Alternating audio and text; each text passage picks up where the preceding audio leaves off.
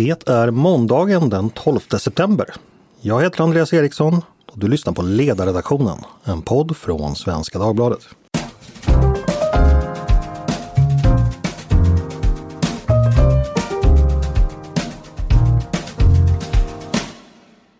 Varmt välkomna till oss. Hörni, nu är det över, valet, och det blev precis så jämnt som vi förväntar oss. Allt är inte färdigräknat, men som det ser ut nu, dagen efter, skiljer mindre än procent mellan regeringsalternativen och det är högersidan som verkar få majoritet. Det återstår att invänta det exakta valresultatet och mandatfördelningen. Eh, nu vidtar ett digert arbete, inte bara för politiker och tjänstemän, utan också för oss kloka förståsigpåare för att reda ut det här. Vad har hänt? Varför hände det? Och framförallt, vad händer nu? Med mig för att kara ut de första stora toverna i denna ull har jag Svenska Dagbladets ledarsidas redaktionsledning, närmare bestämt Tove Livendal och Peter Wennblad. Varmt välkomna båda tack två. Så mycket. Tack, tack. Peter, eh, du har sovit en och en halv timme i natt berättar du. Eh, det är bra att det är podd kan vi säga. eh, orkar du vrida resultatet lite till? Jag får se om synapserna svarar när du börjar ställa frågor. Ja, det tror jag säkert. Tove, du ser som vanligt ut som du har sovit på liljebäddar. Absolut, och jag har ju hunnit kamma mig också till skillnad från Peter. Ja. Eh, vi drar väl igång direkt. Knapp majoritet för högerblocket alltså Tove. Eh, vågar du glädjas? Eh, försiktigt, men eh, osvuret är förstås bäst. Det ska väl i och för sig mycket till nu Eh, och det skulle in, behöva innebära att de röster som är kvar att räkna skulle uppvisa ett helt annat mönster och det verkar osannolikt. Så att, jo, men, eh, en försiktig glädje. Och sen är det ju som vi talade om innan eh, valet att här finns inga gyllene segrar att, att utropa utan eh, det man vinner om det nu blir så att Ulf Kristersson får bilda regering det är ju bara en stor hög med svårt arbete. Mm. Första steget i någonting som, som behöver göras mycket mer på så att säga. Mm. Eh, Peter, det var ju ganska intressant igår. Vändningen smög sig liksom på eh, valvakna bakifrån. Eh, de, på tv satt de och pratade om någon magisk kvart eller vad det var. Ingen fattade vad som hände. Eh, man idisslade Valu för 51 gången och plötsligt hade högern vunnit. Eh, alla hängde inte riktigt med där kanske. Nej, men och jag, och jag har egentligen ingen aning på vad jag grundade det på. Men jag sa redan när Valu kom att den här marginalen är för liten för, för den rödgröna sidan. Så att det här blir eh, maktskifte. Mm. Har, har jag vittnen på också. Ja.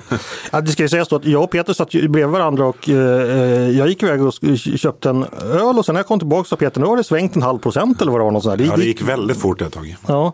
Tove, hängde du med i den där snabba vändningen när det skedde? Ja, jag satt ju bredvid er. så, så, det är klart du gjorde. ja, det är klart att det, man, håll, man ser till att hålla sig nära de uppdaterade. Nej, men det var ju just det här när eh, marginalen först var väl 0,9, sen 0,4, 0,2 och sen hade det vänt. Mm. Och eh, det är klart att de som följde, vi befann oss där och då på Moderaternas valvaka och det, ja, det, det hördes ju så att säga då och då glädjetjut som dök upp. Så att det var ju också en indikation på att någonting hände för dessförinnan hade det varit en väldigt eh, vad ska man säga, eh, ljum ljudnivå. Mm. Precis. Eh, jag kommer ju faktiskt från Liberalernas valvaka och där var man ju glada över Valu för sin egen del för att man då fick en bekräftelse att man skulle vara kvar. Men det såg ju ganska dystert ut när det gällde maktskifte eh, och det märktes också när man kom till Moderaterna. Vi ska prata kanske om det. Eh, Tove, de här blandade känslorna. Jag antar att det är så för att nu för första gången sedan 1976 verkar då Moderaterna inte bli näst största parti. För första gången någonsin så finns det inget borgerligt parti bland de två största. Hur stort är det här smolket i glädjebägaren, tycker du? Eh, jag tycker att det är en stor sak. Eh, och eh, det gör ju, tycker jag, att det är extra viktigt att det blir en borgerligt ledd regering. Därför att Annars, om det är så att vi kommer fortsätta med en socialdemokratiskt ledd regering, då blir det största oppositionspartiet och den så att säga grundläggande konfliktlinjen som stadfästs i, i hur riksdagen arbetar, det blir mellan socialism och nationalism. Mm. Och det vore väldigt olyckligt. Är det så att Moderaterna får leda en regering så kommer det fortsatt att vara en konfliktlinje mellan liberal konservatism och socialism. Och det är en, det är en konfliktlinje jag tycker eh, kommer att gagna Sveriges debatt och samhällsutveckling mycket mer. Ja, den har ju fungerat hyggligt väl det senaste seklet så vi kanske inte ska överge den i första taget. Exakt. Eh, Peter, samma fråga till dig. Gladast igår var ju Sverigedemokraterna. Hur eh, mycket grumlade din belåtenhet att de blev så stora? Alltså jag, jag tycker naturligtvis att det är tråkigt att Sverigedemokraterna blev stora men samtidigt inte jättemycket. Alltså, jag tror att dynamiken i den här regeringsbildningsprocessen och sen i utövandet av regeringsmakten. Eh, jag tror faktiskt inte att det kommer att påverkas jättemycket av att Sverigedemokraterna är större. De har ju fortfarande svårt alltså, genom att sätta kraft, alltså sätta kraft bakom sina mandat. Eh, så de har ju egentligen inte, om man kokar ner det till matematiken så har de ju inte ett särskilt mycket bättre förhandlingsläge nu än om de hade hamnat på 16 eller 17 procent. Liksom. Nej. Nej, det är väl en psykologisk eller symbolisk effekt eh, som man är ute efter, de som varnar för att det här är, har så stor betydelse. Ja, men, det, men den effekten hade ju blivit eh, betydligt större om det hade blivit fortsatt rödgrön regering och eh, Sverigedemokraterna skulle vara det största oppositionspartiet. Mm. Eh, fortsätter med dig Peter. Jag tänkte då eh, de moderata reaktionerna. Ulf Kristerssons framträdande igår på valvakan. Den kom ganska sent. Jag hade hunnit åka hem. Eh, klockan var väl närmast ett. Han var ganska försiktig i sina uttalanden. Eh, var det rätt ansats tycker du? Ja, det tycker jag. Mm. Det var eh, väldigt det var väldigt mycket Ulf, men det var naturligtvis också medvetet statsmannamässigt. Att vad säga, tona ner eh, konfliktnivån, tacka för god match eh, och liksom bjuda in till, till eh, jag bjöd ju även in vad säger, den nya oppositionen till eh, politiska överenskommelser där det är, är möjligt. Alltså, man kan ju säga att han vände ju Magdalena, den logik som Magdalena Andersson använt under valrörelsen vände han ju tillbaka eh, till henne. Alltså hon har ju kritiserat Ulf Kristersson för att liksom ha stängt dörren till, till eh, samverkan på olika sätt. Eh, men nu är det ju han som har initiativet och kan liksom rikta samma fråga till henne. Mm. Eh, så att han synar ju henne nu. Eh, Precis. Eh, men när Socialdemokraterna talar om samarbete så kan man väl tänka sig att det huvudsakligen handlar om samarbete från när de själva sitter i regeringsställning. Absolut. Så, man, så, kan man misstänka. Så, bli, så blir det sannolikt. Men ja. Även om jag in, tror att det kan bli så att det blir politiska överenskom liksom breda politiska överenskommelser under den kommande mandatperioden i en del eh, större frågor. Mm. When you're ready to pop the question, the last thing you want to do is second guess the ring. At BlueNile.com you can design a one-of-a-kind ring with the ease and convenience of shopping online. Choose your diamond and setting. When you find the one, you'll get it delivered right to your door. Go to Bluenile.com and use promo code LISTEN to get $50 off your purchase of $500 or more. That's code LISTEN at Bluenile.com for $50 off your purchase. Bluenile.com code LISTEN. Eh, Tove, jag vänder mig till dig. Vad tycker du om Ulf Kristerssons eh, ansats, både i talet igår och det vi vet hittills, det här med att det var inte det här stora eh, segertalet, inte det här stora revanschistiska talet, haha, där fick ni, utan han är ju försiktig och ja, väldigt moderat. Tycker du också det var rätt ton? Jo, men jag tycker att det var eh, klokt att lägga sig på den nivån. Dels därför att det är, kan vara vådligt att utropa någonting. Som man säger, man ska inte sälja skinnet innan björnen har blivit skjuten. Och, eh, så det tycker jag är, är klokt. Men sen också, precis som Peter är inne på, så är det, han, han, måste ju agera som om han kommer att bli statsminister och då är det också, eh, han kan kosta på sig att vara en stor sint segrare om det nu blir fallet. Mm. Och Tove, om vi tar det härifrån, eh, hur tänker du att Moderaterna bör agera? Eller eh, hur tror du man kommer att agera? I relation till? Till övriga partier och ja, i det vidare arbetet. Ja, om man ska ta honom på orden så underströk han ju det här eh, som, aldrig, som nästan aldrig nämns att Moderaterna heter ju faktiskt Moderata samlingspartiet. Han gjorde en poäng av att vi är ett parti som är just det. Och eh, nu är han, härtill är han nödd och tvungen givet hur det parlamentariska läget ser ut. Men jag tror också att det är en ärligt, det är både, det är både han är både nöd, nödgad till det men jag tror att det passar honom, hans person också eh, väldigt väl. När, jag minns när han var socialborgarråd så tyckte han det var toppen att citera Gustav Möller och, och eh, lyfta fram det här liksom arvet som Sverige har på olika sätt snarare än att försöka göra det till en moderat berättelse om Sverige. Så jag tror att det här passar honom väl. Han är nog han är nog inställd på att försöka åstadkomma just mycket av en samling snarare än att eh, eh, att markera blocktillhörighet. Om vi ska fortsätta lite det spåret Peter. Det, vi som känner till Moderaterna vet ju att det liksom har funnits så här, Socialdemokraterna har ju alltid velat vara solen som alla partier kretsar kring. Moderaterna är ju det andra partiet som har den ambitionen, även fast det liksom inte alltid har lyckats. Men det fanns ju redan inför förra valet att man såg att man hade möjlighet att samla olika typer av majoriteter i olika frågor. Är det dit så att säga, att man är lite på väg, man vill komma dit igen? Så att säga. Är det så vi ska förstå det moderata agerandet? Ja, jag tror i alla fall att man vill testa förutsättningarna för det. Mm. Eh, och därav den här utsträckta handen till Magdalena Andersson som kom i, i talet igår. Just det. Eh, jag tänkte fråga, vi tittar ju på en ny riksdag nu. Eh, den är inte helt klar men vi tror ju ändå att det finns en hög majoritet. Tove, vad skulle du säga, vad, vad, om vi tittar på rena sakfrågor, vad är det som plötsligt blir möjligt i denna nya riksdag som, som inte var det tidigare? Om vi ja, bortser från regeringsbildningen, finns det några sakfrågor som helt plötsligt nu når, når majoritet? Jo men det finns det och eh, Mattias Svensson skriver faktiskt en hel ledare om det i morgondagens tidning och en sån uppenbar fråga handlar om kärnkraften. Mm. Eh, och där har ju, ja, vi fick ju ett, väldigt gott besked här precis innan valet med den här lilla valkompassändringen som Socialdemokraterna där, där man gick från att tycka att en utbyggnad av kärnkraften var, mycket, var, var ganska dålig till att den var ganska bra. Mm. Så att här finns det ju en lågt hängande frukt att plocka och med tanke på eh, elpriserna så skulle jag förmoda att det, det borde vara ett ganska lätt beslut att hitta majoritet för. Eh, sen har vi ju eh, här, vi har en, ett NATO-medlemskap som vi ska eh, förhoppningsvis kunna effektuera och vi har ett EU-ordförandeskap som inleds. Eh, där finns det ett antal positioner som det inte heller borde vara någon svår match för höger och vänster att kunna hitta varandra.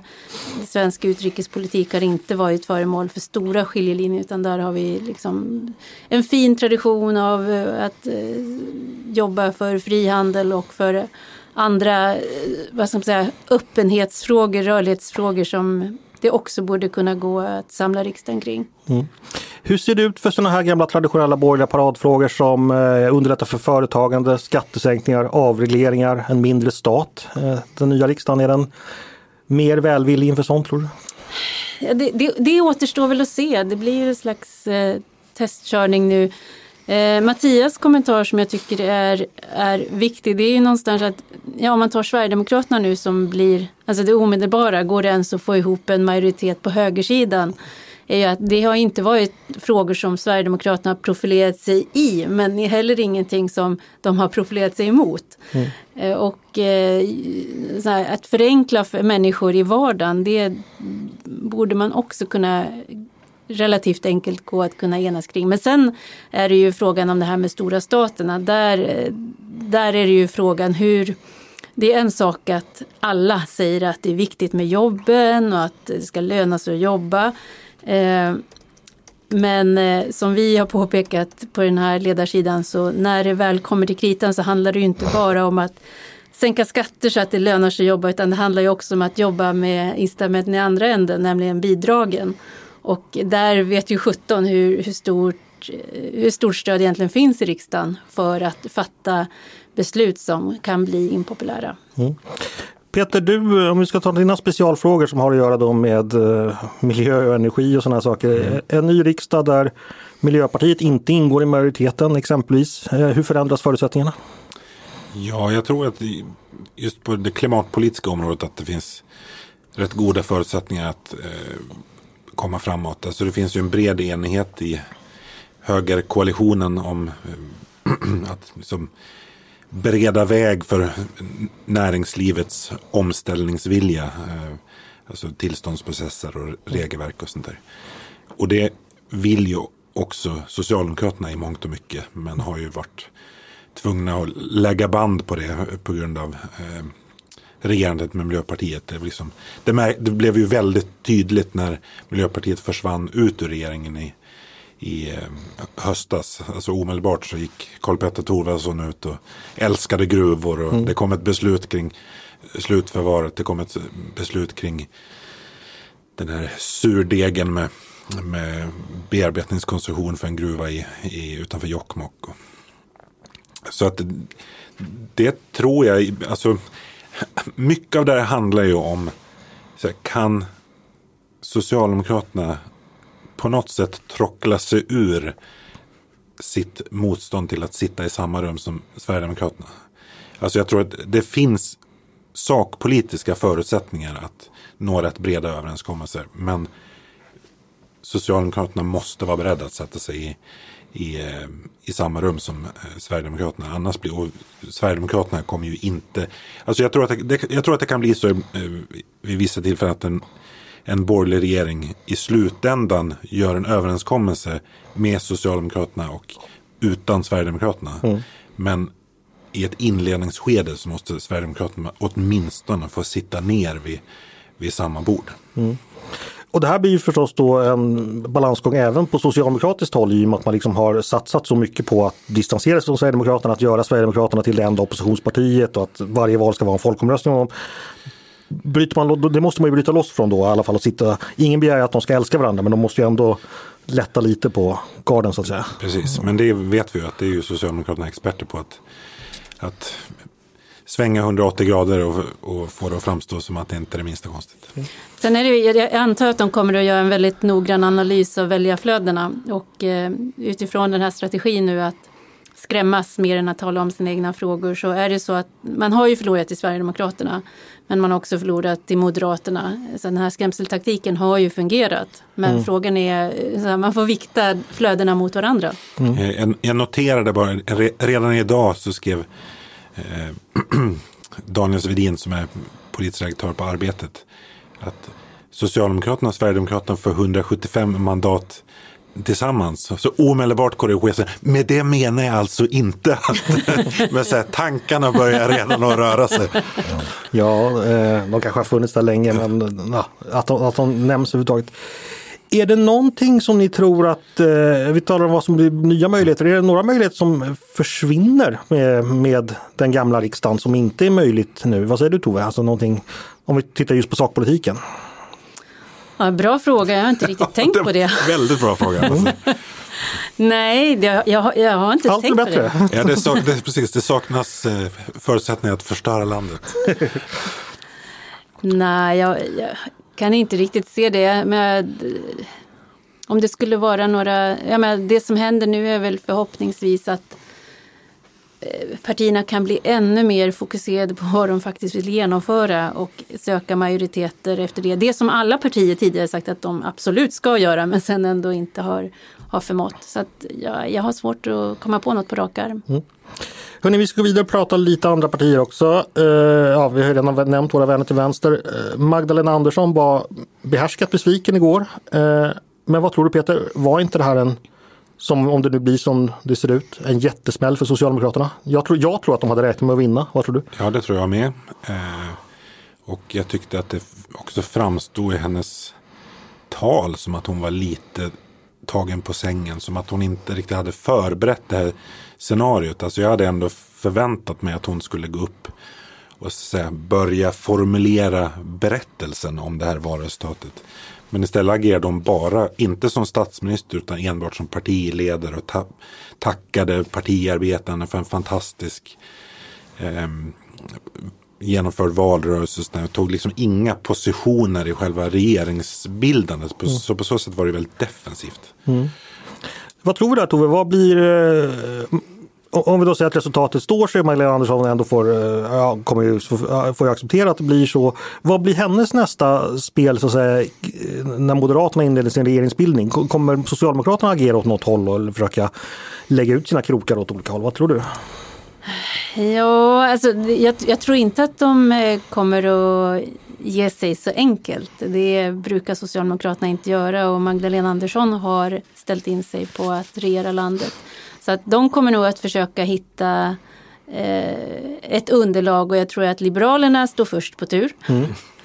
En liten smakbit. ja, absolut. Ja. Så det, det, kommer nog att, eh, jag tror att vi pratade om det i någon podd här för ett tag sedan också, att där kommer trycket att vara först och störst.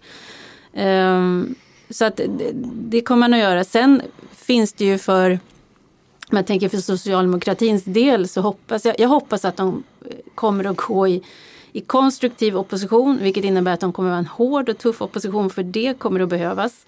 Eh, och jag hoppas att de också ägnar tid åt att göra ett ordentligt omtag med sin politik, för de hade regerat slut. Det är, det, var, det är samma känsla som efter Alliansens åtta år, att det är tomt då. Eh, och det är inte så konstigt och i synnerhet inte när man inte har ett, en, en enkel majoritet i riksdagen utan får hålla på och hoppa fram. Det blir kortsiktigt och det blir Eh, ja, idéfattigt. Så att, eh, och, och, det är ju inte så, även om jag nu håller på det andra laget då så eh, är ju Sverige inte betjänt av att ha en kassopposition utan tvärtom. Det behöver vara på tårna från båda håll för att det ska bli bra. Mm. Nu var det du som nämnde Liberalerna. Eh, då tycker jag vi ska titta tillbaka lite i tiden och lyssna på vad som sades i, i podden eh, tidigare i år. Ja, sen tänker jag så här att det, det, är ju inte så helt omöjligt att partiet ligger nu som sagt på 2,1 att det blir några så här 2,6, 2,7, 2,8 mätningar nu, nu i april, maj och helt plötsligt behöver man tala om Persson-effekten ja. och så blir det ett positivt spinn och så kanske det blir 3,2 och då är han plötsligt liksom comeback man och då är, alltså, då är man ju med i valrörelsen igen. Så att, nu vet jag inte om jag önskar tänker men det, någonting sånt skulle ju kunna ske. Men, mm. men Peter, du... du vet, vet, vet, vet, du verkligen inte om du önskar tänker?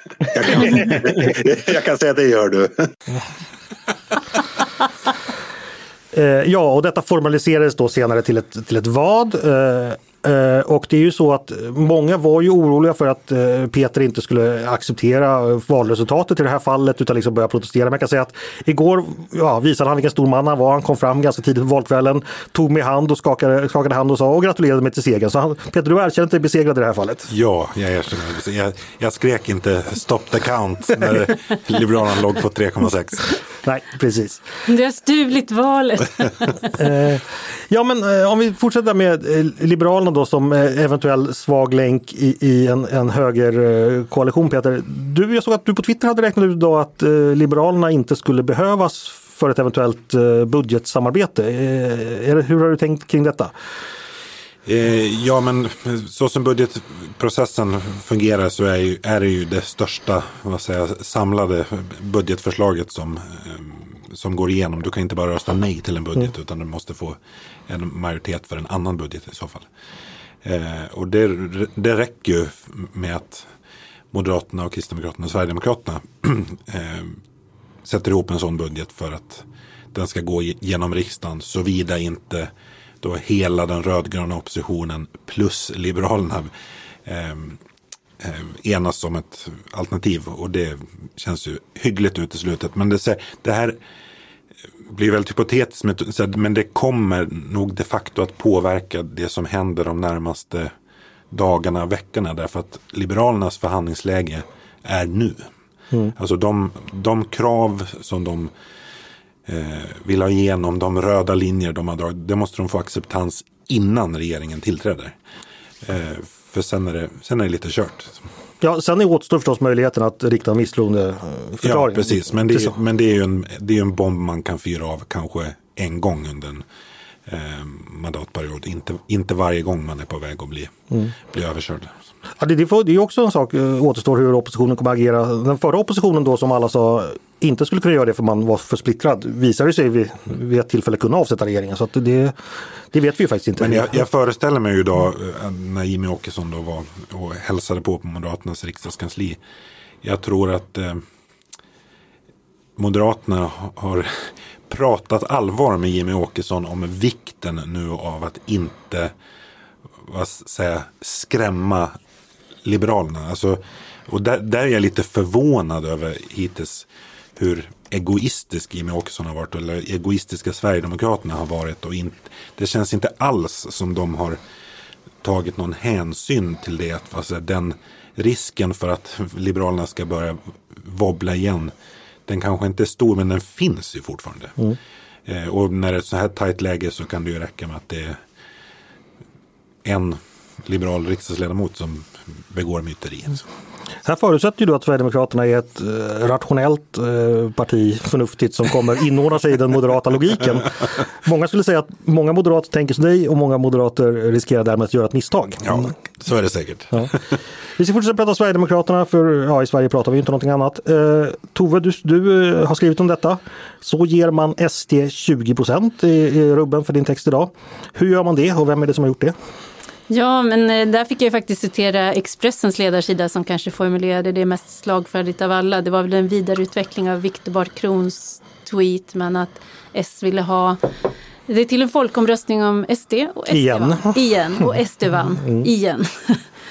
Eh, och det är väl precis så man gör att eh, om man bestämmer sig för att det är det över, den överordnade frågan i svensk politik så kommer eh, fokus att vara på det partiet och det partiet kommer att gagnas av det därför att det kan eh, det kan leva upp till mycket men inte all den skrämselpropaganda som har försökt eh, målas upp om dem. Och då kommer jag tror att det blir en reaktion att människor av olika skäl kan välja att stödja ett sådant parti då. Jag har hört många som både tycker att det fortfarande pågår någon form av mobbning och att man eh, beter sig illa, inte främst mot partiet utan av respekt för deras väljare när man då hela tiden påpekar att vi kommer inte att bry oss om er. Mm. Eh, era röster spelar ingen roll.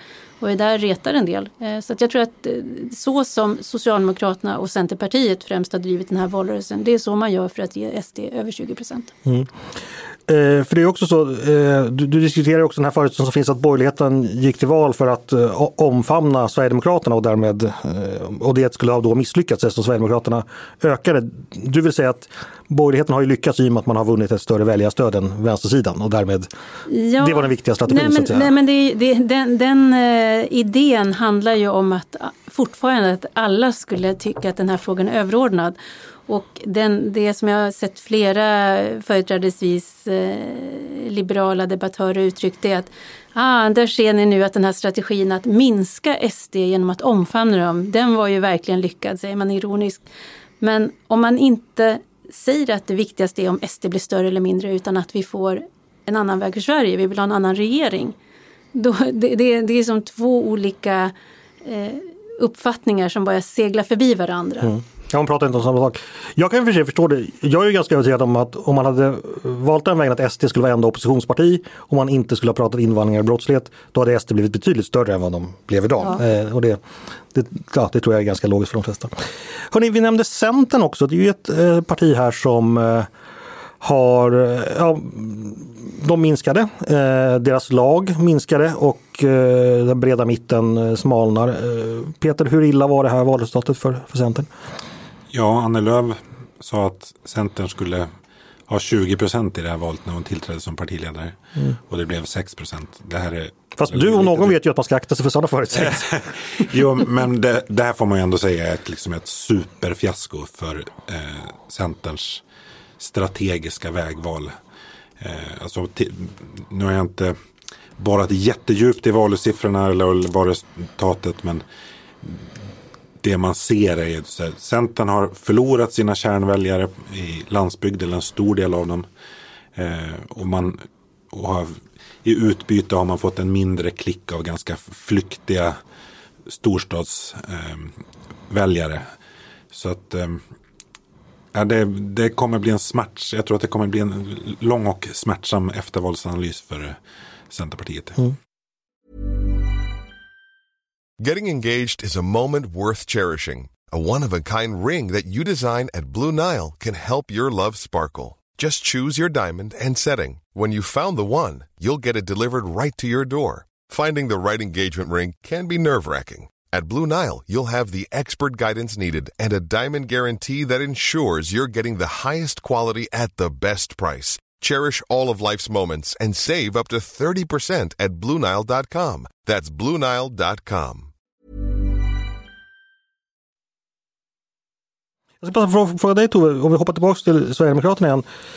Eh, det är ju så att det verkar ju som partiet har fått sitt riktigt stora genombrott nu i Norrland och i skogslänen, alltså där man då ökar mer än på riksnivå. Alltså, ja, man är över 20 procent i Jämtland, i Västernorrland, i Norrbotten. I Dalarna går man från 21 till 26 procent. I Stockholm är ökningen mycket marginell, man går framåt mindre än 1 procent i Stockholms stad. Eh, det verkar alltså som att det är gles, eller eh, ja, vissa delar av landet där Sverigedemokraterna går bättre, det är traditionellt socialdemokratiska områden. Lär det oss någonting eller vad, vad, vad, vad lär vi oss av det så att säga?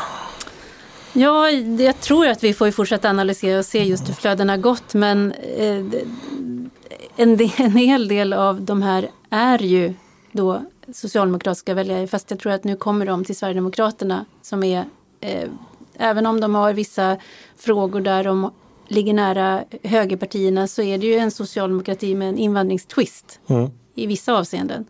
Så att det, det, på ett sätt kan man säga att det är ett dystert besked att Sverige fortfarande är ett väldigt socialdemokratiskt land även om en del av dem nu röstar på Sverigedemokraterna. Eh, men det, det säger ju också någonting om att både Socialdemokraterna och Centerpartiet som ju traditionellt har varit starka på landsbygd har, eh, har tappat sin position. Och det, det är väl eh, ett tecken på att vi nu har fått den här eh, spänningsfältet stad-land kan ju exploateras politiskt. Det finns ett politiskt kapital att hämta där som vi har sett i till exempel eh, när Donald Trump blev vald till president eller i omröstningen om Brexit för den delen också så fanns det ju ändå sådana dimensioner som var närvarande. Och det är möjligt att den nu håller på att bli tydligare för oss vilken sorts eh, ja, vilket spänningsfält som det finns att arbeta med där. Mm. Ebba Busch gjorde ju ett tydligt försök med Kristdemokraterna Exakt. och hjärtlanden där. Och det gick inte lysande. Så det att, flög inte. Nej, så det, det är skilda, jag tror vi har haft uppe det här i podden att Sverige är ju trots allt inte USA. Vi har ju inte ett flyover country där som liksom ligger så långt från storstäderna så ingen människa har sett, en, sett mer än två bilar samtidigt. Liksom. Det finns ju inte den typen av, eh, ja ni förstår, the deliverance-orter liksom. Men Eh, Eh, ja, Ebba Buschs försök flög inte riktigt. En fråga Peter, eh, det här är förstås alltid frågan om en tolkning, men vilket mandat skulle du säga att eh, väljarna har gett högersidan nu? Eh, ja, Moderaterna kommer förstås tolka det som ett väldigt brett och viktigt mandat, men vad, vad är realistiskt att säga? Oj, det var en väldigt bra fråga. Eh, jag tror att de borgerliga partierna har vad säger, fått ett hyfsat tydligt mandat. Jag tror att det är Sverigedemokraterna som kanske kommer få brottas mest med den frågan. Alltså sen, nu när de ska vara med och genomföra politik. Mm. Alltså, så här, vad, vad klarar deras väljare av att stå ut med? Alltså, liksom, hur tuffa beslut kan en ny regering fatta utan att, att Sverigedemokraternas väljare reser på sig? Så att på, på ett sätt har ju liksom Sverigedemokraterna ett extremt starkt mandat i vissa enskilda sakfrågor, framförallt kring invandringen. Men i många andra frågor nästan ingenting. Alltså det är frågan här, hur mycket vet ens väljarna av, om Sverigedemokraternas politik i de, mm. i de frågorna. Ja, samma fråga till dig då Tove. Hur skulle du beskriva det mandat som givits den nya majoriteten? Om det nu blir så. Eh, jag skulle säga att den tydligaste signalen är nog liksom att jag byter regering. Vi vill prova någonting annat och det finns ett antal, eftersom valrörelsen i så stor utsträckning har handlat om eh, eh, problem, samhällsproblem där högern har problemformeringsprivilegiet och det har handlat om som otrygghet, eh, kriminaliteten, den sortens eh, som, eh, frågor som eh, Ulf Kristersson har kallat kärnstatens uppgifter. Där mm. tror jag att mandatet är väldigt starkt. Men sen är det precis som Peter säger, att därutöver så vet det 17 och Sverigedemokraternas väljare tror jag de, de, de, har ju inte den relation till partiet som ja, men, kanske de andra en, en, del andra väljare de är ju som säga, nästan som man skulle kunna ha partibeteckningen på, på dödsannonsen för det är sån stark identifikation. Eh, Sverigedemokraterna Är ett nytt parti så det, där finns inte samma den sortens lojalitet att partiet har ett egenvärde utan där tror jag att eh, man Eh, man har, man har gett sin röst för någonting annat och sen så får man väl se liksom, hur bra det där andra blir. Men jag tror att Sverigedemokraterna ska inte förvänta sig att de har lojala väljare. Mm. Och man kan också titta på det börjat kom, när man tittar på de här resultaten i en del lokala val så kan man säga att en del av de partier som har eh, blev väldigt stora förra valet i, Göteborg till exempel. Vad hette det här? Demokraterna. Ja, precis. Och sen fanns det något, en, annan ställe där det här sjukvårdspartiet kom och tog jättemycket. De har ju pyst ut nu Mm. det här valet. Och där kan det ju, det, det, den risken vill ju förstås Sverigedemokraterna inte ta, att det blir pyspunka bara för att de ger sig i kast med riktig politik så att säga. Så att de, de är ju i en, eh, Eh, på ett sätt, gyllene bur nu. De har det här stora stödet men nu måste de försiktigt hantera det här så att det inte rinner dem ur händerna. Mm. En tanke där, eh, det har ju föreslagit då att eh, Sverigedemokraterna är upplåsta och det fanns ju en del av oss som trodde att de redan skulle börja pysa ut när liksom, invandringspolitiken kom mer i kommunerna efter 2015 och ändringen då. Det verkar ju trots allt som Sverigedemokraterna har ganska lojala väljare som jag kan tänka mig präglas av en del, vad ska man kalla det, resentiment eller revanschism eller alltså att man känner sig illa behandlad av ett etablissemang i, i ganska många frågor. Så att om man, då håller man sig kvar vid sitt parti ganska länge trots allt. Eh, hur, hur starkt tror du de känslorna kan vara i, i Sverigedemokraternas väljarkår Tove? Jo men jag tror att de är eh, starka och, och det är också därför att de har ju hämtat ifrån hela skalan nästan. Nu tog de väl det här valet från alla partier utom Miljöpartiet. Men från höger och vänster så kommer ju en ansenlig del och där är det ju, skulle jag säga, mer det sentiment som handlar om eh, någonting förlorat. Något som har gått förlorat snarare än att liksom säga att att man, man ser invandrare som ett hot. Det finns ju också såklart. Det är många som kopplar ihop och säger att nu har Sverige blivit sämre, det beror på det här. Men, men snarare det här liksom, eh, som värdeorden som Sverigedemokraterna har haft som handlar om trygghet och tradition. Det, det är sådana ord som eh, ja, inte har varit vårdade av de andra partierna. Så det, det, det finns absolut en tror jag, stark känslomässig eh, igenkänning eh, i det som Sverigedemokraterna säger. Peter, eh, samtliga borgerliga partier backar av de gamla allianspartierna. Eh, den samlade borgerligheten är mindre än, jag vet inte när den varit så här liten. Eh, hur ska man, vad ska vi göra åt det? Ja, vad vi ska göra åt det vet jag inte riktigt. Men, men jag tycker att eh, jag tycker inte att det är något liksom stort misslyckande. Alltså, jag tycker att det är ganska anmärkningsvärt att Moderaterna får nu drygt 19 procent, eller ser ut att få drygt 19 procent. Vilket är ungefär i det häradet där liksom Moderaterna låg under 90-talet, början av eh, 2000-talet. Och att kunna ligga kvar där samtidigt som det har seglat upp ett, liksom, ett annat 20% parti på högerkanten. Det är ju faktiskt en, en prestation. Så, att, så jag förstår att somliga borgerliga liksom beklagar att det har blivit den här nya eh, sammansättningen. Men alltså det är en enorm prestation att liksom, i en under den här mandatperioden som har varit formera en ny koalition och ta en majoritet när liksom ett borgerligt parti har fallit ifrån. Tor, vad säger du? Eh, går Peter åt Bagdad-Bob-hållet här eller har han, har han rätt? Eh, nej, jag tycker att det är, det, det är en eh, till stora delar bild som jag delar också. Det, men sen är det klart att jag tror att, att Sverigedemokraterna är så pass stora. Det har ju dels det här som vi var inne på nyss, så att förmågan att fånga upp eh, känslor. Jag tycker det är ju någonting som vi, vi diskuterade på den tidigare höstas, den här boken av Katarina Berling och Cecilia Garme som försöker tala om det här, liksom, den här känslan av någonting som har gått förlorat. Eh, och eh, att det, det, är en, det har varit en känsla som inte har ansetts fin, utan det är sånt man ska lägga bakom sig och blicka framåt. Och, eh, sen kan man, ju- där finns ju ett politiskt ledarskap som man behöver ta i att så här, inte stämpla ut känslor som förbjudna eller illegitima men att, att säga, då ta människor i handen och säga att ja, okej, okay, jag förstår att det här känns jobbigt men också att ge perspektiv på vart vi är på väg.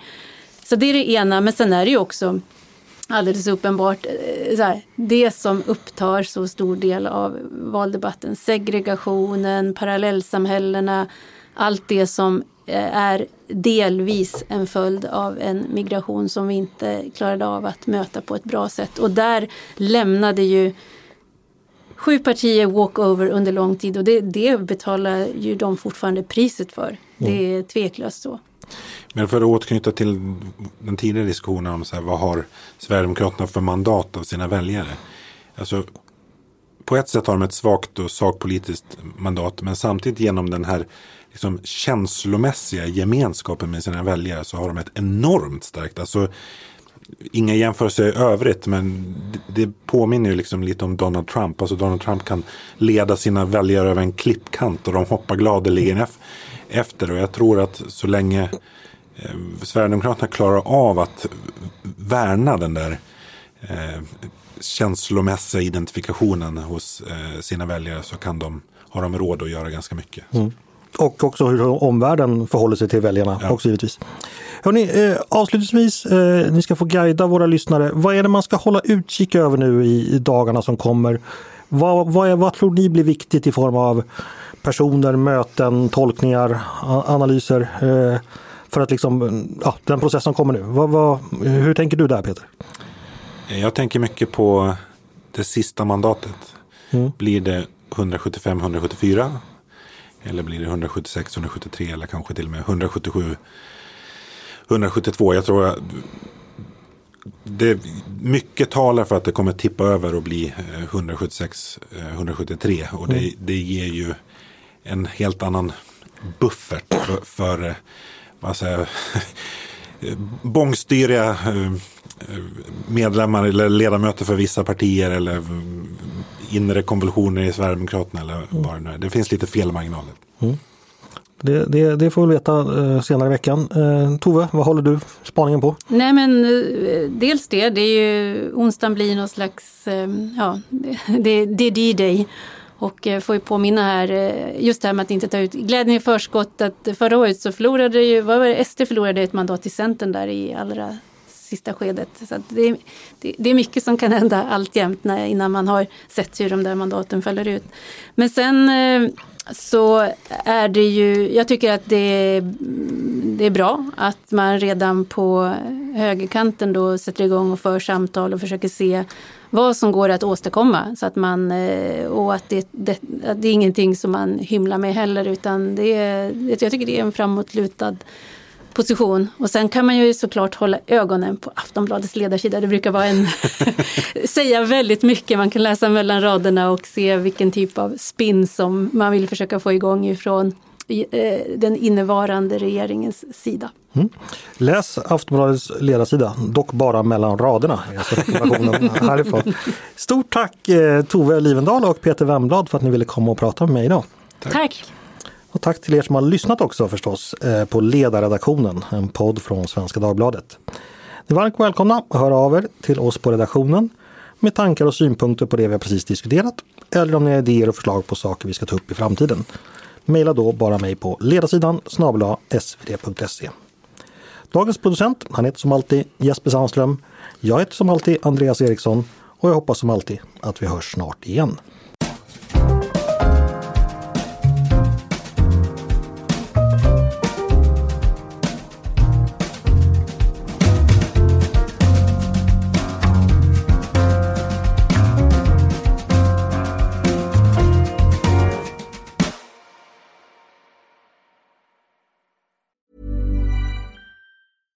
Selling a little or a lot?